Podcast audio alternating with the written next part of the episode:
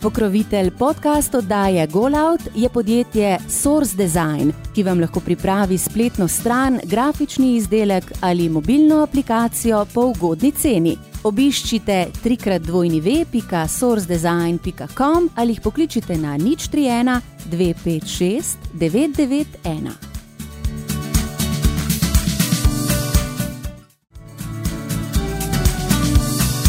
Športna oprema Jako je izjemno funkcionalna oprema, kar omogoča športnikom, da dosežejo svoj polni potencial. Izolacijski funkcionalni materiali vam nudijo najvišjo zaščito pred vetrom. Vodoporni funkcionalni materiali in zaprti glavni šivi zagotavljajo zanesljivo zaščito pred vlago.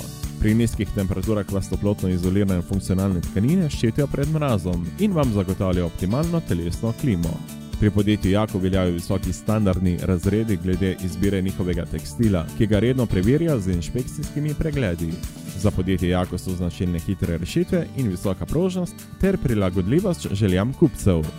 Cilj podjetja Jako je hitra dostava želenih artiklov. V ta namen je okoli 95 odstotkov vseh artiklov iz kataloga dejansko na zalogi in dobavljivih takoj. Najdete jih na Gubčevi ulici 12 v Lenartu v slovenskih Goricah ali obiščete njihovo spletno mesto trikrat dovinjuje jako-slovenija.si.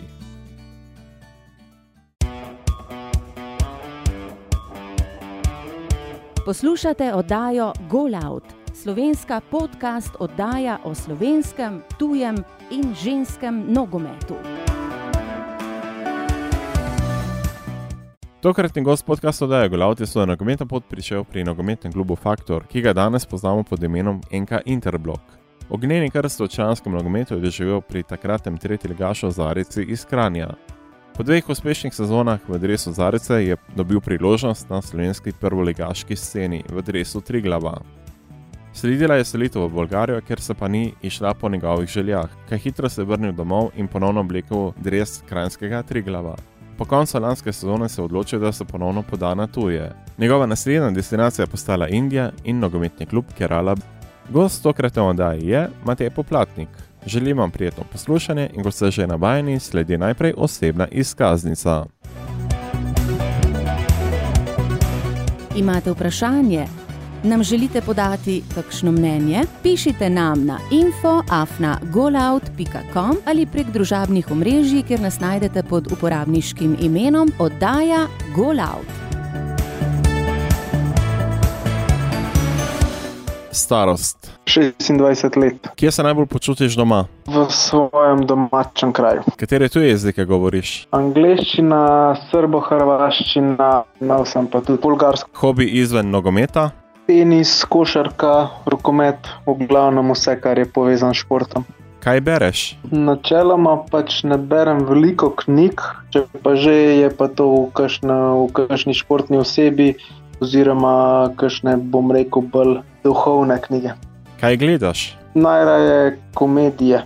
Kateri predmet si imel najraje v osnovni šoli, če izuzamemo športno vzgojo? Matematika. Kdaj si na zadnje jokal?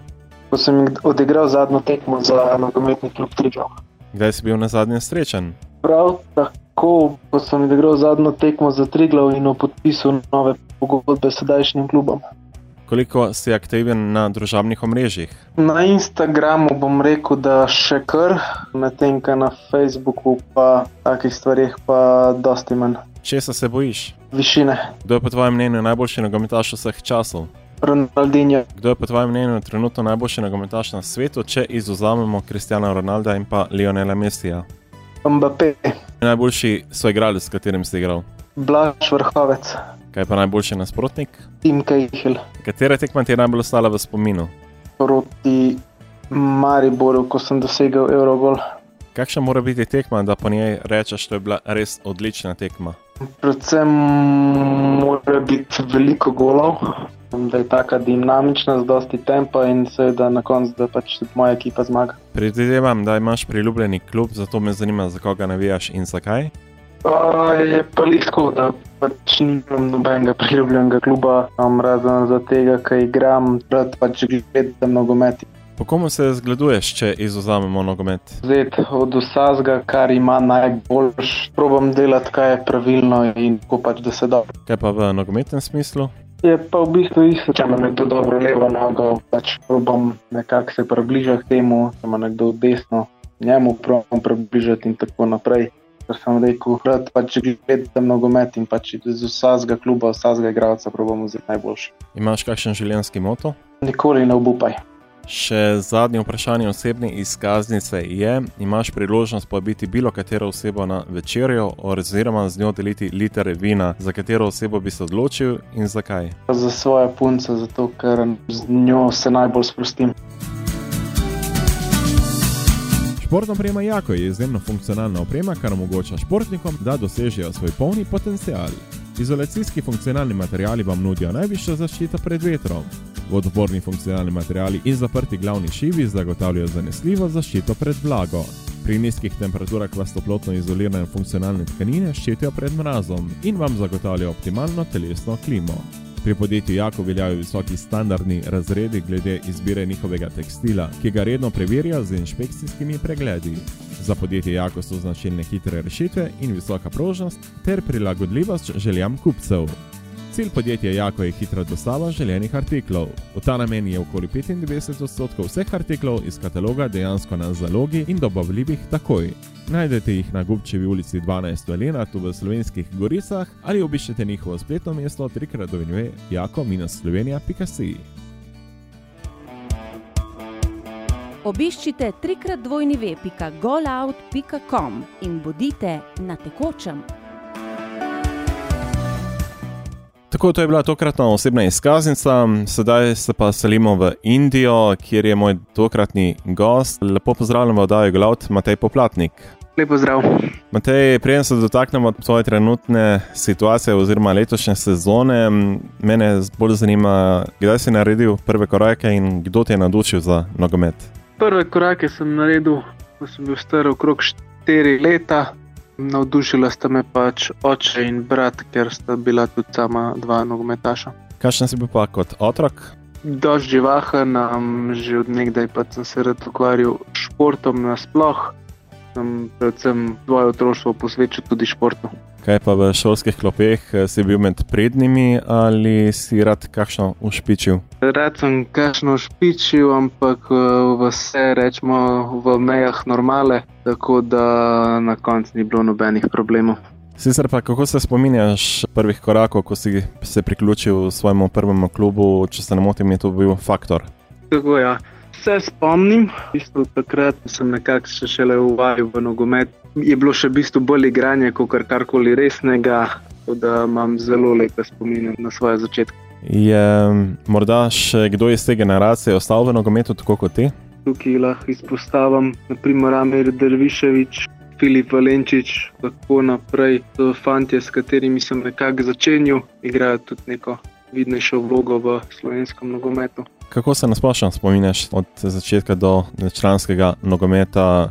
Kdo ti je bil največja opora, oziroma kateri trener ti je največ pomenil, oziroma dal največ na svetu? Kot trener v klubu je sigurno lahko izpostavim pač Andreja Janežiča in seveda pač pri Olimpiji, kasneje Darko Škerla, ampak rad bi pač poudaril predvsem Andreja Janežiča, kjer nekako mi je v meni videl največji potencial in v bistvu postavil in se postavil za me v vsakem trenutku, nekako mi je dal ta pravo vlogo, tako vodje in v bistvu mi je zaupal, da v proste roke, tako da sem lahko v bistvu enostavno užival. Sproti pač me je pa tudi veliko naučil, kaj pomeni biti najprej človek, še le potem nogometaš. Da si pa bil tisti cilj, da želiš postati profesionalni nogometaš, je to nekako otroška želja ali ko si se približeval članskemu nogometu, da je bi lahko tudi nogomet postal poklic?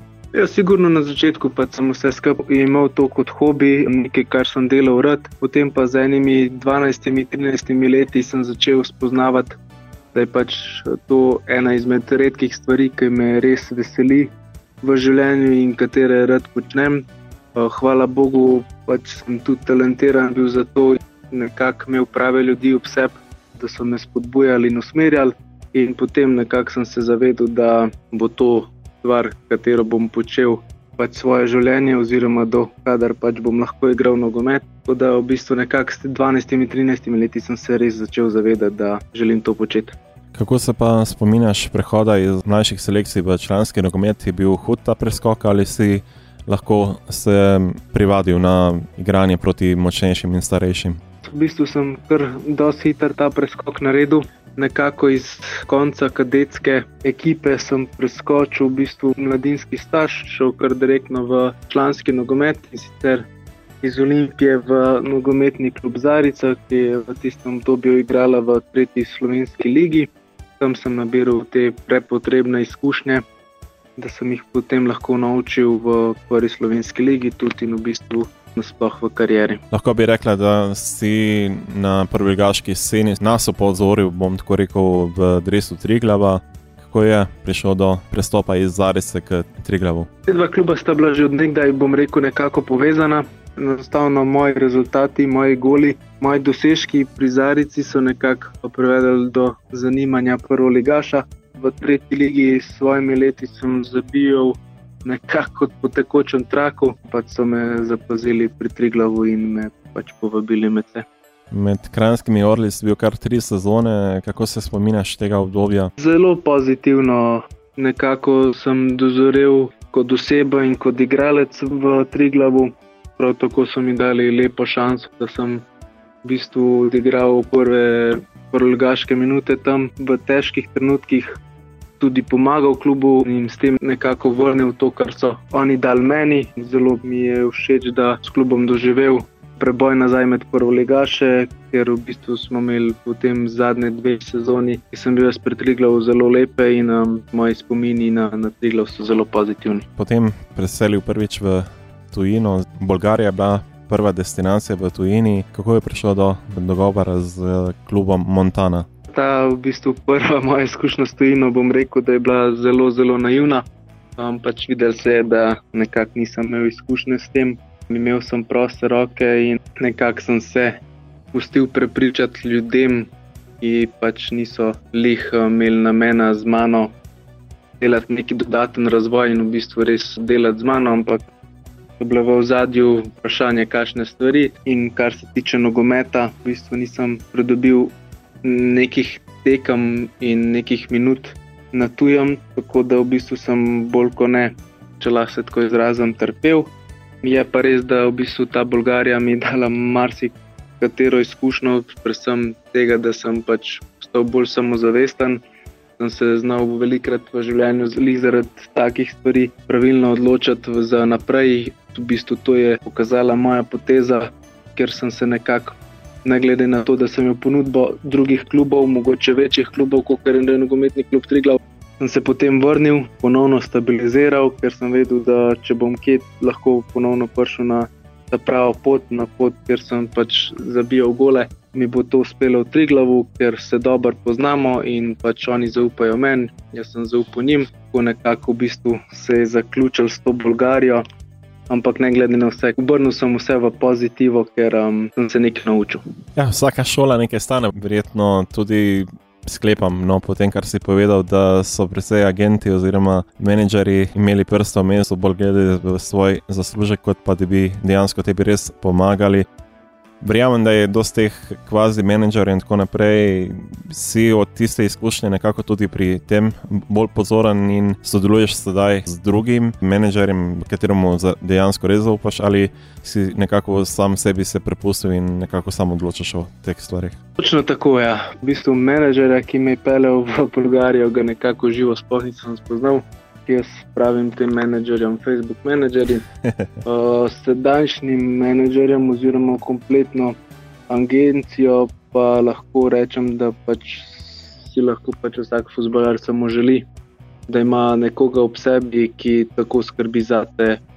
In v poslovnem, in v bistvu osebnem življenju, ker enostavno bom rekel, ne glede da smo poslovni partnerji, v bistvu smo tudi pač prijatelji v življenju. Mi je pa res, da jih v bistvu, kot sem se naučil z Bolgarijo, sem se naučil tudi s takim menedžerjem in sem, bom rekel, dnevno poznal nove in nove agente in razne zgodbice, v katere klube bi vse me oni peljali. In se nisem pustil, sem točno v bistvu znal prepoznati, kateri agent je ta pravi, in v bistvu sem se z, tem z njimi povezal. O tem smo že veliko krat tudi v oddaji Glad govorili o teh, bom rekel, kot si sam jih omenil, Facebook menedžerjev oziroma agentov. Po tvojem.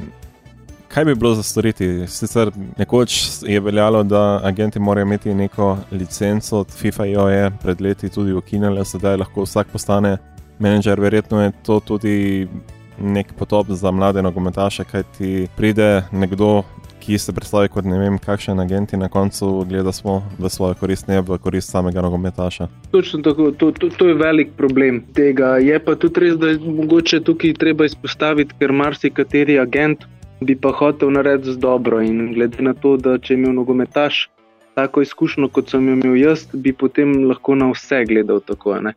Ni pa nujno, zmer moraš v bistvu pustiti nekak si priložnost pogovora, da vidiš, kaj je dejansko namen tega agenta, in potem zdaj.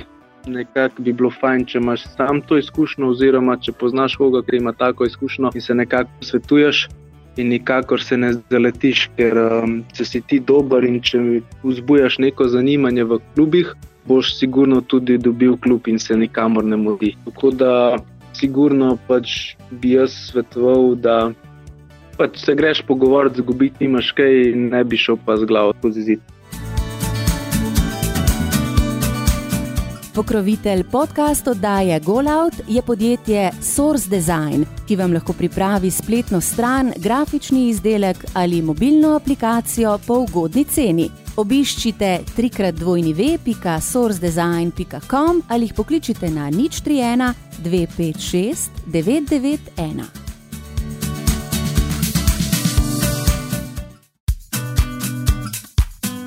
Bodi na tekočem in sledi oddaji GoLout na družabnih omrežjih Facebook, Instagram, Twitter in YouTube, kjer jo najdete pod uporabniškim imenom oddaja GoLout.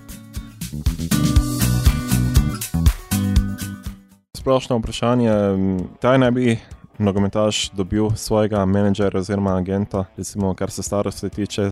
Po mojem mnenju, rekel, pri 15-16 je še prezgodaj. Čeprav nekateri res so talenti, ampak vseeno imam občutek, da vseeno bi bilo bolje, da je oseba vsaj polnoletna, če ne drugega.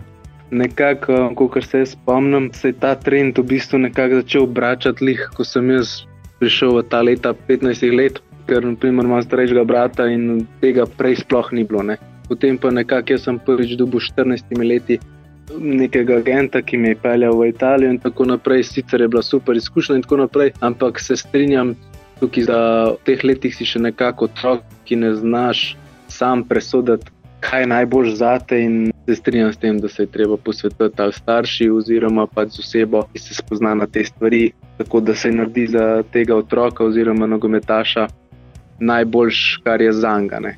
Da se pa strinjam, da redko kdo je zrel pri teh letih, da gre lahko sam od doma igrati nekam v tujini. Če lahko še temu dodamo, tudi starši teh otrok, verjetno nihče od njih običajno ni kakšen vrhunski športnik, oziroma sej, da ima neko podlago oziroma neko izkušnjo z tega področja. In tudi starši lahko padejo pod vpliv tega menedžera. Tudi oni želijo najboljše svojemu otroku.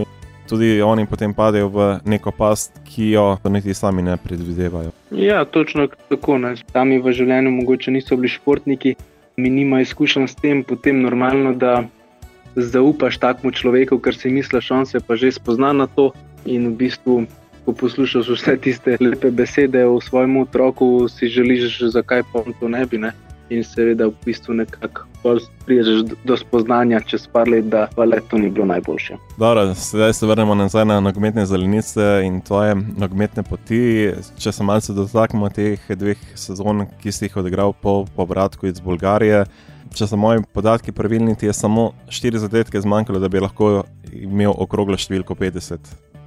Ja, zdaj tudi jaz točem podatek, če rečem iskren, ne vem. Uh, vem pa sam, da sta bili v bistvu dve stanski sezoni za mano. Ja. Je bilo težko se vrniti, izkušnja iz Bolgarije ni bila uspešna, ampak si imel občutek, da si storil korak nazaj, kljub temu, da si bil v tujini in si se ponovno vrnil v Slovenijo. Imáš nek občutek, da narediš korak nazaj, ampak če narediš ta korak nazaj, pa greš dva, mogoče tri ali pa štiri naprej, potem si sigurno se odločil za ta pravi korak nazaj. V mojem primeru ne bi sploh rekel korak nazaj, ker se je v bistvu to izkazalo za pravo potezo, zaradi tega pač so bili tudi rezultati vidni. Ne. Sledila je druga selitev v tujino, tokrat si se kar daleč odpravil, tako rekel, trenutno si v Indiji. Kako je prišel do tega, da si se odločil, da greš v to deželo? V bistvu tukaj spet je lih tako nanesel, da sem dobil marsi, marsi katero ponudbo. Je ta padala med top 3 najbolj resnih, bom rekel, in zainteresiranih ponudb, kjer je kljub pokazal pač veličino in samo, bom rekel, organizacijo in profesionalizem, ki je v bistvu takoj pač vzbudil nekakšno zanimanje v meni. Je pa res, da sem bil nekako na začetku malo nesiguren, ker pač Indija je le Indija. Potem pa, ko sem spoznal, bistvu, kako klub funkcionira, ko so mi vse te stvari pokazali, pokazali slike, posnetke in tako naprej, sem videl, da pač je to prava stvar za me. Na koncu koncu se je izkazalo tudi da lahko rečem, da sem presrečen tukaj. Dobro, naj omenimo, gre za Kerala Blasters, eh, klub, za katerega igraš. Zdaj eh, imaš tudi že nekaj izkušenj z indijskim nogometom. Kako bi ga opisal, kakšen nogomet se igra v Indiji? Moram izpostaviti to, ker sem tudi jaz imel nekako v glavi, da se ne igra dober nogomet. Ampak sem hitro videl, da pač uh, to ni res, ker enostavno indijski igravci napredujejo z dneva v dan, ker je pač res velik prostor za napredek, sploh pri njih. Ampak to razliko, to, kar dviguje ligo, da je dobra, so pa sigurno pač tujci, kjer pa prihajajo, bom rekel, iz Španije in tako naprej, kjer so igrali ali v angliški Premier League ali v španski La Ligi. Serija, Bundesliga in tako naprej, pa igravci, ki imajo kilometrin v zelo velikih pač klubih, in um, zaradi njih, bom rekel, je liga zelo, zelo dobra pri klubu, kjer igraš, gre za zelo mlad klub, kaj ti deluje pet let. Za kakšen klub gre, recimo, če bi ga primerjal s kakšnim slovenskim klubom? Pač, kar se tiče organizacijsko in tako naprej, bi zelo težko najti primerjavo. Težko pa tudi komentiram, ker um, razberem v medijih in tudi nekako po rezultatih lahko rečem, da pač je Maribor najbolj organiziran klub v Sloveniji, ampak moram pa tukaj izpostaviti, da indijski klubi predvsem sodelujejo s premjerligaškimi klubi in je to pač vse na nivoju Premier lige. Zato pa zelo, zelo, zelo dvomim, da pa če kakšen slovenski klub lahko na tem nivoju. Če malo pogledamo v kader eh, tvojega moštva, imaš vsaj nekaj igralcev, ki prihajajo iz področja bivše nekdanje skupne države pa tudi en igralec za Koper, uh, Courage Parkinson. Tako je. Na nek način je se mi predvsem na začetku zdelo, da je to lažje, ker uh, najdemo v istak že v bistvu nekak skupen jezik in tako naprej. Ampak na koncu je v bistvu izkazal, da nisem, bom rekel, Srbi nič več kot pa z indijskimi igralci, zato ker so fenomenalni in enostavno z njimi tudi tako dobro razumem, da, da sem z veseljem v njihovi družbi. Ja, kar se pa tiče Karidža, um, ja, je igral v Kopru eno sezono, pač velikrat se tudi pogovarjava o tem. Velikrat uh, nanese tema na to, kako pač zelo rad bi mogoče prišel na dopust v Slovenijo, in tako naprej. Tako da ima lepe spomine na Slovenijo in uh, se tudi dosta pogovarja o tem. V lanskem letu, ko si ti prišel v klub, je bil trener moštva, je angliški reprezentančni veteran David James. Zelo zanimivo je bilo z njim sodelovati, je zelo zanimiva, nepredvidljiva oseba. Pač vidi se tudi, da je nekako bil to njegov prvi trenerski posel in um, je delal določene napake, ampak ne glede na vse, smo se od njega tudi nekaj naučili. Ne drugega, kako postati na realnih treh, ne glede na to, da si v bistvu nekakšna nogometna zvezda na polnem nivoju. To leto smo pa začeli z novim trenerjem. Torej, Nelo Vingada je trener ekipe. Za kakšnega trenera gre, kako bi ga opisal? Čisto drugačen tip trenerja. Pač on dejansko je z nami na igrišču, se veliko z nami pogovarja, nas uči, na nas hoče predati neko taktiko, neke njegove zamisli, po katerih naj bi pač mi igrali. Tako da pač zaenkrat imam zelo, zelo, zelo pozitivne izkušnje z njim. Tudi iskreno so se pogovorila, iskreno mi povedal, kaj od mene zahteva in da pač me vidi kot uh, dodano vrednost temu klubu in imam z njim zelo pozitiven odnos, mi je pa še čuti njegov način dela. Pa kakšen nogomet si želi, da bi njegova ekipa igrala? Zelo rad pač vidi, da nekako njegova ekipa ima posest, ampak še veliko bolj pomembno od vsega je pa to, da smo kompaktna ekipa, da imamo repa glavo, da se znamo obraniti in da nekako skreiramo tudi v napadu priložnosti in pač pretvorimo zadetke. Kako si se pa znašel v sami Kerali, kako poteka tvoj vsakdan v tem mestu, si se tudi tam znašel ali imaš veliko domotožja? Ne, ravno obratno. Zelo, zelo pozitivno, nepričakovano, nadpričakovanje. V bistvu se imam zelo dobro tukaj, nimam nobenega domotožja, ker enostavno, kot sem že prej omenil, se soigravci zelo dobro razumem, prav tako pa v samem mestu, kjer sem nastanjen, pač imamo tako bazo navijačev, da kamorkoli greš, si nekako zelo ljudno vabljen, te lepo pozdravlja in tako naprej. Tako da v bistvu moram res izpostaviti, da sem prezadovoljen tukaj, tako nogometno, kot kar ven nogometa. In v bistvu se vidim kar nekaj let v Indiji, nasplošno in v bistvu v tem klubu. Če gre za mesto, ki se nahaja na jugu Indije, kako bi ga opisal, recimo, za kakšno mesto gre? Ni čisto tipično, bom rekel, indijsko mesto. Že samo, da je v bistvu nekako prevladujejo katoliki v tej državi in mestu, povest svoje, in um, nekako je bolj sproščeno, sploh v bistvu ženske imajo veliko več svobode. Ni nekega pretiranega dogajanja, kar se tiče nočnega življenja in tako naprej, ampak je lepo mirno, pač imaš tudi kaj za videti, ogromno ene narave, nekih rek, ne, ne glede na vse zadnje, je pa zelo blizu Arabsko morje, kjer so plaže prečudovite. Tako da vsak prosti dan, nekako ga imam, ga tako izkoristim, da grem na plažo. Pokrovitelj podcast oddaje GoLout je podjetje Source Design, ki vam lahko pripravi spletno stran, grafični izdelek ali mobilno aplikacijo po ugodni ceni. Obiščite www.sourcedesign.com ali jih pokličite na nič 31 256 991.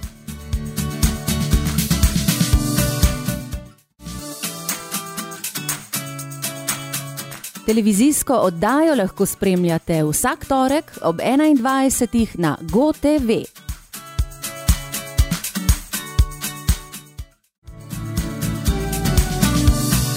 Športna prema Jako je izjemno